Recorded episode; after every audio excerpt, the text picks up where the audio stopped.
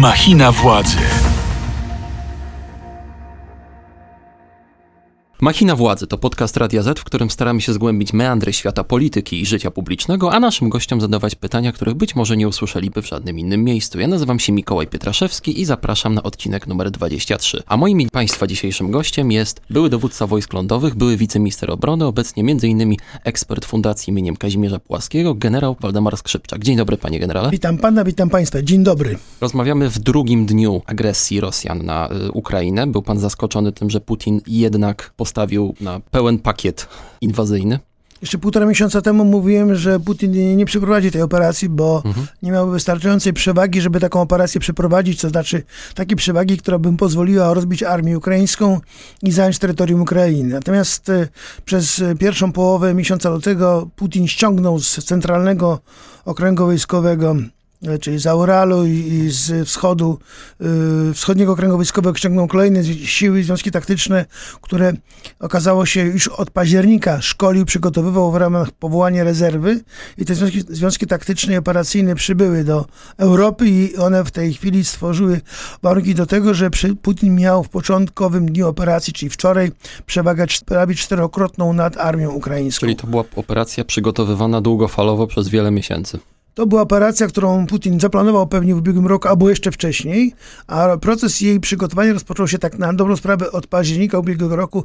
Mówi to w kategoriach przegrupowania wojsk do Europy i gromadzenia tych wojsk wokół granicy z Ukrainą. O jakich liczbach mówimy, jeśli chodzi o ukraińską armię? Mówi się o 200 tysiącach około żołnierzy. To jest 22, e, jeśli chodzi o ranking liczebności armia na świecie. Y, O potencjale nie świadczy liczebność armii. Potencjał armii to jest zespół czynników, które stanowią o tym potencjale. To jest oczywiście stan osobowy, to jest wyposażenie, wyszkolenie, determinacja. Tak się ocenia potencjał bojowy. To jest chyba lepiej niż 8 lat temu.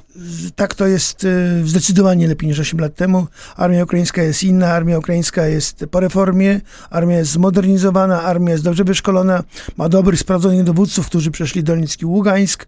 Y, Także wydaje się, że armia ukraińska ma bardzo duży potencjał, natomiast czy to jest 200 tysięcy, czy 225, to nie stanowi o sile tej armii. O sile tej armii stanowią wojska, które są w tej chwili na pozycjach bojowych, które prowadzą operacje bojowe, które walczą z inwazją e, rosyjską, a te siły są oceniane na poziomie 40 brygad różnego typu, pancerne, zmechanizowane, aeromobilne, specjalne i to jest około 140 tysięcy żołnierzy, którzy w tej chwili czynnie biorą udział w operacjach bojowych. Dlaczego Putin to zrobił? W sensie, dlaczego zaatakował Ukrainę, skoro pan nawiązuje do swoich słów jeszcze przed kilkunastu dni chociażby, że Putin jednak nie zdecyduje się na konfrontację militarną. Co sprawiło, że on jednak taką decyzję podjął?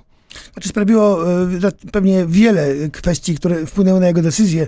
To są problemy wewnętrzne Rosji, to są problemy też i gospodarcze Rosji, to są e, problemy w relacjach NATO-Rosja, e, wola, e, którą NATO wyraziło, że w perspektywie czasowej, nieokreślonej e, Ukraina stanie się członkiem NATO, to e, jakby można powiedzieć rozjuszyło Putina, podjął taką decyzję, że dokona inwazji na Ukrainę. Zresztą wydaje mi się, że Putin od dawna się nosił z tym zamiarem. On samodzielnej, suwerennej, niepodległej Ukrainy nie trawił, nie, nie akceptował w ogóle. On uważał, że w ramach odbudowy imperium, które on w tej chwili sukcesywnie odbudowuje, mm, Ukraina powinna wrócić do Federacji Rosyjskiej, stanowić jego, jej integralną część. Nie tylko wschodnia część Ukrainy, ale rozumiem, że cała. Myślę, że na początek myśli o wschodniej części, bo nie ma takiego potencjału, żeby po- opanować całą Ukrainę. A poza tym wschodnia różni się od zachodniej tym, że jest dużo Rosjan, obywateli pochodzenia rosyjskiego jest y, we wschodniej Ukrainie, którzy mogą sympatyzować z Putinem, choć niekoniecznie. Czyli tak naprawdę Putin od początku też grał tą taką narodowościową, językową kartą. Dokładnie tak. Natomiast zachodnia Ukraina to są Ukraińcy, którzy y, widzą absolutnie wroga y, Putina, wroga wszystkich Ukraińców i Putin jakby zajął tą zachodnią część Ukrainy, to mógł mieć problemy w kategoriach takich jak bili Rosjanie w Afganistanie. Pojawiają się doniesienia o atakach rakietowych już na Kijów. Tam też pojawił się e, alarm przeciwlotniczy. Stacje metra zostały zamienione na schrony. Pana zdaniem rzeczywiście on się odważy na to, żeby pójść jeszcze dalej na zachód? Całkowicie. Czy moim zdaniem y, linię, która wyznacza w tej chwili y, zakres, za, zasięg ekspansji y, tej agresji, to będzie linia Kijów-Odessa. I na razie będzie prowadził w tym obszarze działania, nie przekraczając tej linii generalnie. Natomiast wykonywanie uderzeń uderzeń rakietowych, to jest zgodnie z doktryną rosyjską. Warto byłoby, żeby wiedzieli wszyscy, którzy się tym interesują, że doktryna rosyjska przewiduje w pierwszej fazie operacji, tej zaczepnej, tego ataku, tej agresji, najpierw e, operację zaczepną, operację powietrzną. Jest to operacja, w której wykonują główne zadania, wykonują rakiety balistyczne, rakiety manewrujące, które uderzają na obiekty kluczowe dla obrony Ukrainy, czyli na systemy dowodzenia, systemy rozpoznania, systemy e, obrony, systemy kierowania państwem, wszystkie te obiekty, które są kluczowe dla mm, spoistości obrony. Po e, wykonaniu uderzeń na te obiekty następuje proces obezwładniania obrony przeciwlotniczej ukraińskiej, po to, żeby e, mogły samoloty i śmigłowce rosyjskie latać bezkarnie. I w dniu wczorajszym, w ciągu całego dnia praktycznie, rosyjskie uderzenia również były skierowane na obronę powietrzną, obronę przeciwlotniczą armii ukraińskiej, żeby ją sparaliżować, żeby móc przejąć panowanie w powietrzu i bezkarnie wykonywać uderzenia lotnicze na wszystkie obiekty, które Rosjanie uważ będą uważali za uzasadnione cele. Ile taka faza operacji wojennej w tym momencie może potrwać? Znaczy w tej chwili według mnie e, Rosjanie liczyli na Blitzkrieg, bo e, z reguły operacja powietrzna Tylko trwa, 5 dni? Operacja powietrzna trwa od dwóch do trzech dni, a to e, oni tą operację powietrzną prowadzą teraz cały czas, a jednocześnie rozpoczęli, rozpoczęli operację lądową, czyli nie, nie doktrynalny wariant zastosowali, który mówi, że operacja lądowa zaczyna się po 3-4 dobach, tylko rozpoczęli w pierwszej dobie operację lądową, czyli uznali, że są ku temu warunki. Moim zdaniem ta operacja, tak liczyli Rosjanie, pewnie będzie trwa, trwała trwało 3 do 5 dni, ale widać z postępu tej operacji, moim zdaniem, to jest moja ocena, ta operacja na pewno nie będzie trwała krócej jak, jak 7, 8, może 10 dni nawet. Yy, choć warunkiem do tego, żeby w tym terminie się ta operacja zakończyła, to jest opanowanie dużych aglomeracji miejskich, chociażby Kijowa i Charkowa. To jest yy, obiekt do opanowania, z którym Rosjanie przy tej determinacji Ukraińców mogą mieć wielkie problemy, bo zdobywanie miast jest najtrudniejszą sztuką w walce. Na jak długo Ukraińcy Ukraińcy mają zasoby, żeby się bronić? Myślę, że Ukraińcy zgromadzili takie zasoby, które wystarczą przynajmniej na 2-3 tygodnie walki. Takiej ciągłej. Ciągłej walki. Ciągłej walki mają takie możliwości, zgromadzili te środki, wojska do tych środków mają dostęp. Wydaje się, że Ukraińcy dobrze się przygotowali do tej operacji obronnej. Teraz po pierwszym dniu operacji Ukraińcy rozpoznali kierunki, na których uderzają Rosjanie, co pozwala im dokonać manewru swoimi siłami środkami na kierunki zagrożone, czyli ta obrona ukraińska będzie tężała będzie coraz silniejsza, bo kierunki, które są w tej chwili nieatakowane, są zwalniane przez wojska, które mogą pójść na te kierunki, gdzie wykonują główne uderzenie Rosjanie i, i zaczną się schody dla Rosjan, ponieważ ta obrona, tak jak powiedziałem, będzie tężała, będzie coraz bardziej skuteczna i będzie głęboko urzutowana. Czyli każdy element tej obrony, każdą linię obrony, każdą pozycję obrony będą musieli Rosjanie pokonywać, a obrońcy będą na pewno na tych pozycjach się dobrze bronić. Czy można mówić jeszcze o Władimirze Putinie jako racjonalnym polityku, czy raczej już o szaleńcu? Nie nazywałbym go szaleńcem, e, dlatego że, do, że kieruje takim dużym państwem i trudno, żeby szaleniec takim państwem kierował. Można by to rzeczywiście porównać. E, myśmy w naszym, w naszym nazewnictwie odnoszącym się do czasów II wojny światowej nazywamy Hitlera szaleńcem bo przecież y, wydaje się, że oni podobnie działali. Przy, przy czym inna perspektywa jest, jeżeli chodzi o tamten czas, a ten czas. Mm, Putin kieruje dużym państwem i ja go oceniam w kategoriach wojskowych.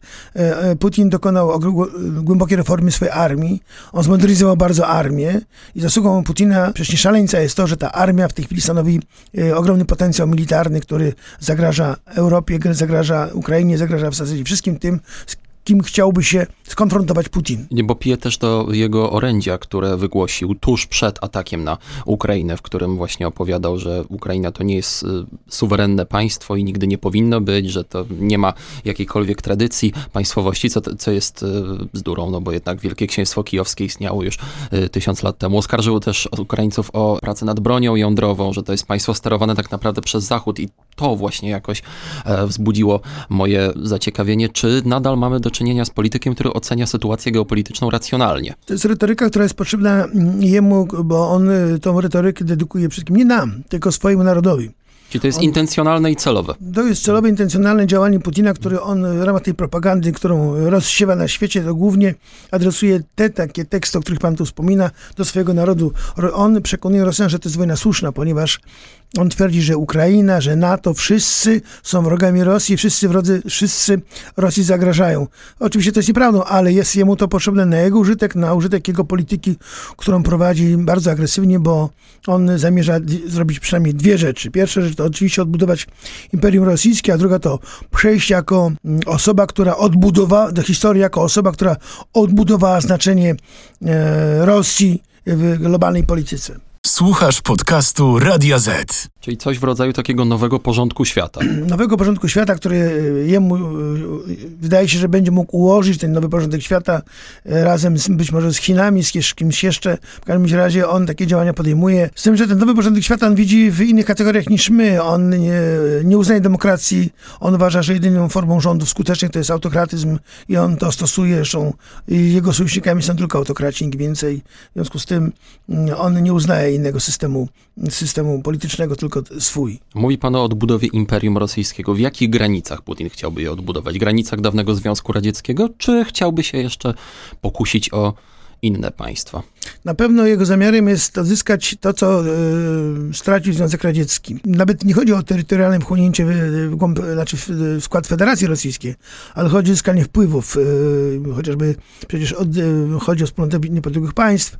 Marzy mu się oczywiście Ukraina, marzy mu się na pewno i to nieraz to artykułował Przybałtyka, kto wie, czy nie waży mu się również Polska i inne kraje e, Europy Wschodniej. Ale chodzi o to, żeby one były w ramach e, terytorium e, państwa rosyjskiego, czy chodzi o to, żeby tam zainstalować... W strefie wpływów, żeby A. były, żeby były rządy przychylne jemu. Tak mhm. jak to jest w tej chwili na Węgrzech, gdzie mhm. Orban jest jemu bardzo przychylny, bo Orban jest tak samo, takim samym autokratą jak Putin i, i, i po co jeździ na przykład Orban do Moskwy. No nie trudno zgadnąć, że... W tej sytuacji. W tej sytuacji po to jeździ do Moskwy, żeby mu Putin pomógł wygrać wybory na wybory na Węgrzech i jeżeli Putin mu nie pomoże wygrać wyborów, trolując, dewastując, y, oskarżając opozycję węgierską o różne dziwne rzeczy, a co Putin potrafi, to Orban nie wygra wyboru. Tak, zwłaszcza, że ma przeciwko sobie całą pozycję.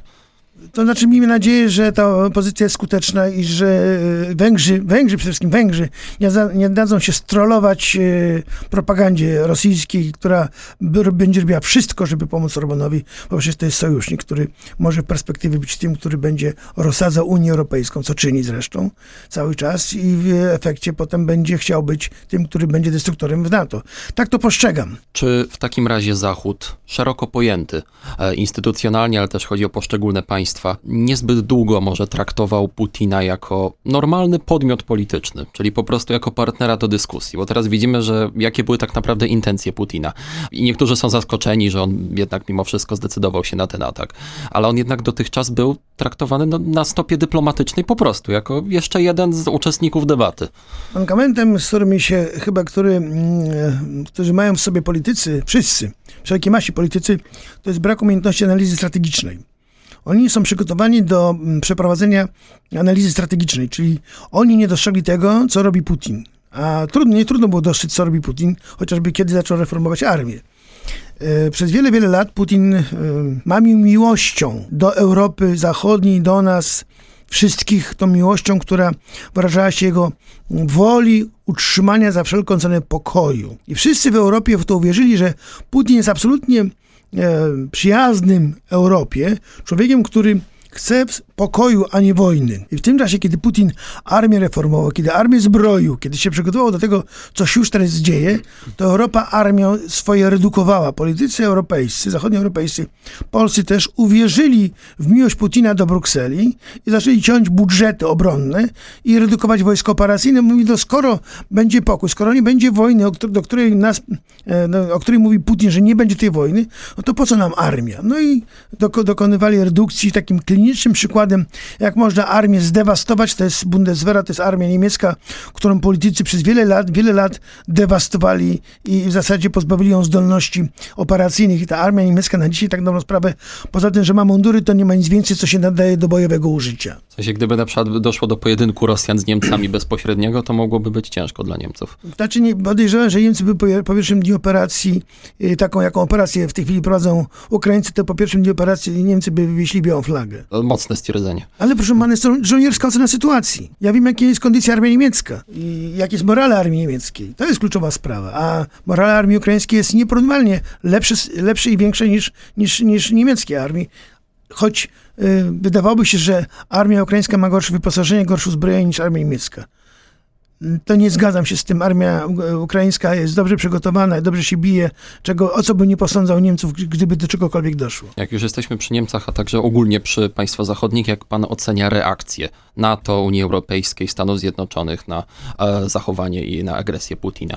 Zapowiedzi sankcji, czy wprowadzenie również sankcji. Uważa pan, że to jest odpowiednia reakcja, odpowiednie tempo tej reakcji, czy za wolno, czy za delikatnie? Przede wszystkim te reakcje Zachodu są spóźnione. Te reakcje powinny być wtedy, kiedy zaczęło się rysować to zagrożenie tą wojną. Kiedy Putin powiedział wyraźnie, wojna będzie. I on nie ukrywał tego, że wojna będzie. Zachód w tym czasie, politycy Zachodu jeździli do stolic, spotykali się, dyskutowali w formacie Trójkąta Weimarskiego, w formacie normandzkim, w formacie bukaresztańskim. Cały czas tego dyskutowali, jeździli, spotykali się i wydawa wydawali oświadczenia o jedności, o potencjale do odstraszania. Generalnie wszystko to było pozbawione treści. Jeździli też do Putina. Jeśli też do Putina, oczywiście y, za chwilę może, do tego wrócę, to było pozbawione treści. To nie przekładało się na żadne działania praktyczne. To jest taka, bym powiedział, przywara polityków. Obiecywać, mówić o pokoju, mówić o jesteśmy gotowi, że jesteśmy zdolni, że będziemy odstraszać. Pytam się czym? Z wojskowego punktu widzenia to tak na dobrą sprawę Europa nasza nie ma czym na razie Putina ostraszać. Dobrze się stało, że on nie uderzył na nas, tak uderzył na Ukrainę. Przepraszam, że tak mówię, bo byśmy sobie pewnie nie, nie poradzili sobie tak, jak sobie świetnie radzi w tej chwili Ukraina. Natomiast y, politycy byli y, niejednomyślni, czego przykładem było działanie kanclerza Niemiec czy, czy prezydenta Francji Macrona. Ja już nawet byłem skłonny posądzić ich o to, że oni są skłonni do zdrady na rzecz Putina, bo ich działania były absolutnie, moim zdaniem, wbrew interesom Europy, wbrew interesom Unii Europejskiej, wbrew interesom NATO. Mówi pan o tych spotkaniach przy długich stołach o tych spotkaniach przy długich stołach, gdzie Putin ośmieszał tych, tych swoich e, mówców. A przecież uważam, że jednym głosem powinna mówić Unia Europejska i to Unia Europejska powinna reprezentować interesy Europy, a nie Macron czy kanclerz Niemiec, podobnie jeśli chodzi o NATO. E, oni wyrażali to w naszym imieniu. Mało tego, to byłem, skłon, byłem przekonany, że, że Macron i kanclerz Niemiec dogadali się i są gotowi poświęcić Ukrainę dla pokoju. I tak powiem szczerze, mój odbiór był taki, to nie Putin zgotował Monachium, o którym dużo się mówiło u nas w mediach też, Ukraińcom. Nie Putin zgotował Monachium. Monachium Ukraińcom chcieli zgotować Niemcy i Francuzi. I ich oskarżam o to. A naszych polityków, wszystkich polityków innych oskarżam o to, że są nieskuteczni. To, co oni wyrażają, jeżeli chodzi o sankcje w stosunku do Rosji, są to sankcje miękkie, są to sankcje nieskuteczne, które wcale Putina nie wystraszyły, bo on na sankcje się przygotował przez swoje zmiany kierunku powiązań ekonomicznych, finansowych, gospodarczych z Azją i z Afryką. Przyniósł tam swój siłek. Jest dobrze przygotowany na tę inwazję także dlatego, że ma coś w rodzaju nadwyżki budżetowej, że ma, ma rezerwy. Ma tak, rezerwy, ma rezerwy zasobów ma rezerwy i powiem, że te sankcje, które w tej chwili rzekomo politycy wydyskutowują, długo wydyskutowują, ludzie giną na Ukrainie, a nasi politycy się spotykają, dyskutują, nakładają sankcje, które tak na dobrą sprawę rozbawiają pewnie Putina i rozbawiają e, tych jego oligarchów w Rosji, bo oni na to, się, na to już się dawno przygotowali. A o tym, że jesteśmy niezgodni co do Solidarności, jeżeli chodzi o naszą Solidarność Europejską, to jest to, że e, mimo tego, że były nalegania, żeby przyjęto opcję ze SWIFT-em. Okazało się, że to jest nieskuteczne, bo byli w łonie Unii Europejskiej, są tacy, którzy się na to nie zgadzają. No to, Niemcy. No to w takim razie, jaka powinna być właściwa reakcja Zachodu? Co na, tak naprawdę, jak powinny te sankcje wyglądać? Mówił pan w jednym z wywiadów o całkowitym wyizolowaniu Rosji na płaszczyźnie gospodarczej czy politycznej. Tak to powinno wyglądać? Moim zdaniem, jeżeli chcemy zatrzymać Putina, to musimy dokonać pełnej izolacji Rosji. W sensie zerwanie stosunków Odciąć od wszystkiego.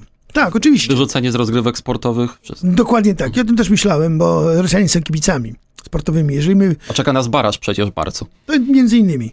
Ale Rosjanie są kibicami, żyją sportem. Nie tylko, nie tylko żyją piłką nożną, ale hokejem, wieloma innymi dziedzin, dziedzinami sportu, dyscyplinami sportu. Wyrzuci ze wszystkiego. Z kultury, ze sportu, z ekonomii, z finansów, z, z, dyplomacji. Nie może być tolerowania e, tego, co Putin robi, bo jeżeli my nie będziemy jednoznaczni i skuteczni, to Putin będzie szedł dalej. A że jesteśmy nieskuteczni, to wyrazem tego są te sankcje, które są tak na dobrą sprawę dla mnie połowiczne, które nie odpowiadają potrzebom y, tego, czego oczekuje od nas y, chociażby Ukraina, która chce naszego wsparcia. A poza deklaracjami polityków takimi w rodzaju jesteśmy z wami, to wie pan, co to znaczy dla Ukraińców? No nic. Nic nie znaczy. Słuchasz podcastu Radia Z. Co w tym wszystkim możemy powiedzieć o Polsce?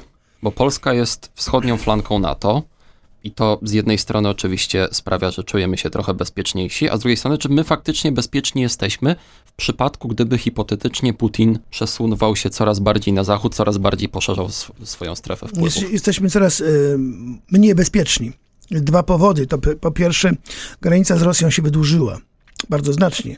Białoruś i nie wiadomo czy nie Ukraina. A Białoruś to już można powiedzieć, że tak, faktycznie jest. Tak, czyli Kaliningrad, Białoruś, być może jeszcze Ukraina. To jest pierwsza rzecz. Druga rzecz, to w Unii Europejskiej i w NATO nie jesteśmy graczem dużym.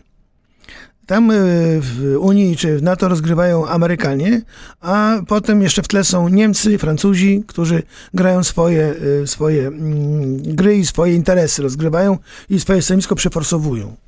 Uważam, że Polska jako państwo, które w tej chwili staje się państwem frontowym, jest frontowym i ta, ta, ten, ten front się wydłuża, czyli nasze zagrożenie rośnie, uważam, że Polska powinna podjąć takie działania, żeby z państw, które są może mniejszymi graczami w NATO, zbudować grupę tych mniejszych graczy, ustanowić grupę, która będzie miała taki sam głos w NATO, jak miała Francja czy Niemcy. Czyli mówi pan na przykład o Polsce, ale też Czechach, Słowacji. Czechach, Słowacji, może o Finlandii mówię i o Szwecji, które aspirują do NATO, o Przybałtyce na pewno. Tu Rumunia. trzeba szukać. Rumunia, szukać takiej grupy y, państw, które zwiążą się z nami tym, co by nam gwarantowałoby większe bezpieczeństwo, jeżeli chodzi o zewnętrzne zagrożenia, ale gwarantowało również NATO, w NATO i Unii Europejskiej silniejszy głos niż mają go Niemcy i Francuzi.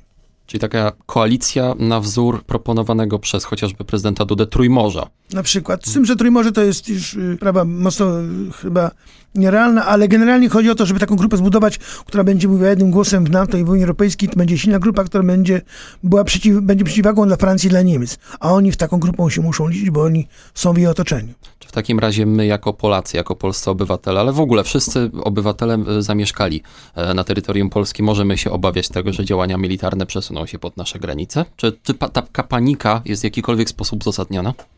Nie, znaczy panika jest nieuzasadniona. Nie ma takiego w tej chwili zagrożenia, żeby chciał Putin na Polskę najechać. I bym studził nastroje bardzo mocno i to jest rola polityków, żeby studzili te nastroje. Ale nie mówiąc, że ostraszamy, że mamy potencjał do ostraszania, bo go nie mamy. To, co Amerykanie mają na terenie Polski, to nie jest do tego, żeby odstraszyć, tylko żeby ten element, który jest tutaj bojowy, mm, wspomógł uchodźców amerykańskich, którzy są, będą uciekali z Ukrainy. Po to przyleciała 82. Dywizja. E, oczywiście to politycy wkomponowują w element ostraszania, ale on nie jest ostraszanie, bo ten potencjał, który ma 82 dywizja w Polsce nie jest potencjałem bojowym. Od tego trzeba zacząć. Choć to dobra dywizja. Pamiętam tę dywizję z Iraku. Natomiast y, uważam, że y, celem naszego działania powinno być zbudowanie przekonania w Europie i w NATO, że silne kraje wschodnie Europy są gwarancją bezpieczeństwa Europy Zachodniej. Jeżeli Zachód nie będzie miał tego przekonania, że my jesteśmy gwarantem tego bezpieczeństwa, te państwa frontowe, to będzie nas traktował w Unii Europejskiej Europejskim NATO tak jak w tej chwili traktuje, tak jakbyśmy nie mieli takiego głosu jak Francja i Niemcy. Czyli może po prostu musimy, jako taka koalicja państw, wzbudzić takie przekonanie, że jesteśmy niezbędni po prostu w tej układance. Bo jesteśmy niezbędni dla Europy i Europa o tym wie, że jesteśmy niezbędni i to z wielu powodów, nie tylko politycznych, ale i gospodarczych. My jesteśmy dużymi rynkami, jesteśmy dużymi eksporterami, importerami. W związku z tym dla Niemców też jesteśmy dużym graczem i Niemcy powinni mieć tego świadomość. Patrzeć na e, Rosję zupełnie inaczej niż do tej pory Niemcy patrzyli e, przez pryzmat tylko biznesów niemiecko-rosyjskich. Trzeba o tym zapomnieć lub trzeba powiedzieć Rosjanom wyraźnie, ok, ale musicie stonować, bo jeżeli nie, nie stonujecie, to my się z wami rozstaniemy. Tak nie może być, że, że biznes decyduje o polityce niemieckiej w stosunku do Rosji. Chociaż Nord Stream został wstrzymany, jeśli chodzi o certyfikację. To, to tylko jest... certyfikacja. Nie wiem, czy to zostało tak dostatecznie do końca wstrzymane, bo certyfikacja nie wcale nie zamyka tematu. No właśnie, bo nie zostało wstrzymane, znaczy zostało wstrzymane, ale nie zostało anulowane całkowicie. Dokładnie pewnie... tak. Nie wiem, jaka będzie przyszłość tego. To wszystko zależy od relacji Berlin-Moskwa. Natomiast e, Putin na razie mm, osiąga swoje cele, realizuje swoją politykę, nie zważając na to, co chce na to, co chce Unia Europejska. Ale solidarność i jedność w Unii Europejskiej jest kluczowa dla naszego przetrwania. Ja jeszcze tutaj nawiążę do wątku polskiego, bo chciałbym się posłużyć wynikami sondażu, który pracownia Ibris przeprowadziła na, dla zlecenia Radia Z. Aż 63,4% badanych, czyli około 2 trzecie Polaków, jak wynika z tego sondażu, nie wierzy w to, że polska armia jest w stanie nas obronić w przypadku zagrożenia militarnego. Jak pan ocenia? Jak pan się zapatruje na te wyniki? Znaczy, mnie żołnierzowi trudno mówić o armii. No wiem, ale jak pan e, ocenia tę y, niewiarę polskiego społeczeństwa w moc polskiej armii? Ta moc, ta, czy ta, ta niewiara polskiej armii jest wynikiem działań politycznych. Wojskowi się sprawdzają, udowodnili to, że są dobrymi żołnierzami, e, natomiast politycy armią grają wykorzystują do swoich celów. I, i to jest opinia Polaków, bo oni nie oskarżają armii o to, za to, że jest zła armia, tylko pokazują politykom, że im nie ufają, bo moim zdaniem nie ma powodu, żeby armii nie ufać. My jako żołnierze udowodniliśmy, że jesteśmy godni zaufania narodu polskiego, polskiego społeczeństwa. Natomiast nie wierzą e, obywatele polscy, nie wierzą politykom, którzy za armię odpowiadają. Bo to, co się dzieje ostatnio i na przestrzeni ostatnich przynajmniej 15 lat świadczy o tym, że politycy to generalnie patrzą na armię zupełnie inaczej niż powinni patrzeć ci, którzy dbają o bezpieczeństwo państwa polskiego. Proszę zobaczyć, dwie, dwie kwestie. Kupujemy sprzęt dla armii polskiej bez przetargu w sposób, bym powiedział, chaotyczny. To znaczy, wydaje się, że tu nie jest interes państwa polskiego, tylko interes lobbystów, którzy chodzą po salonach i przekonują polityków, żeby kupili.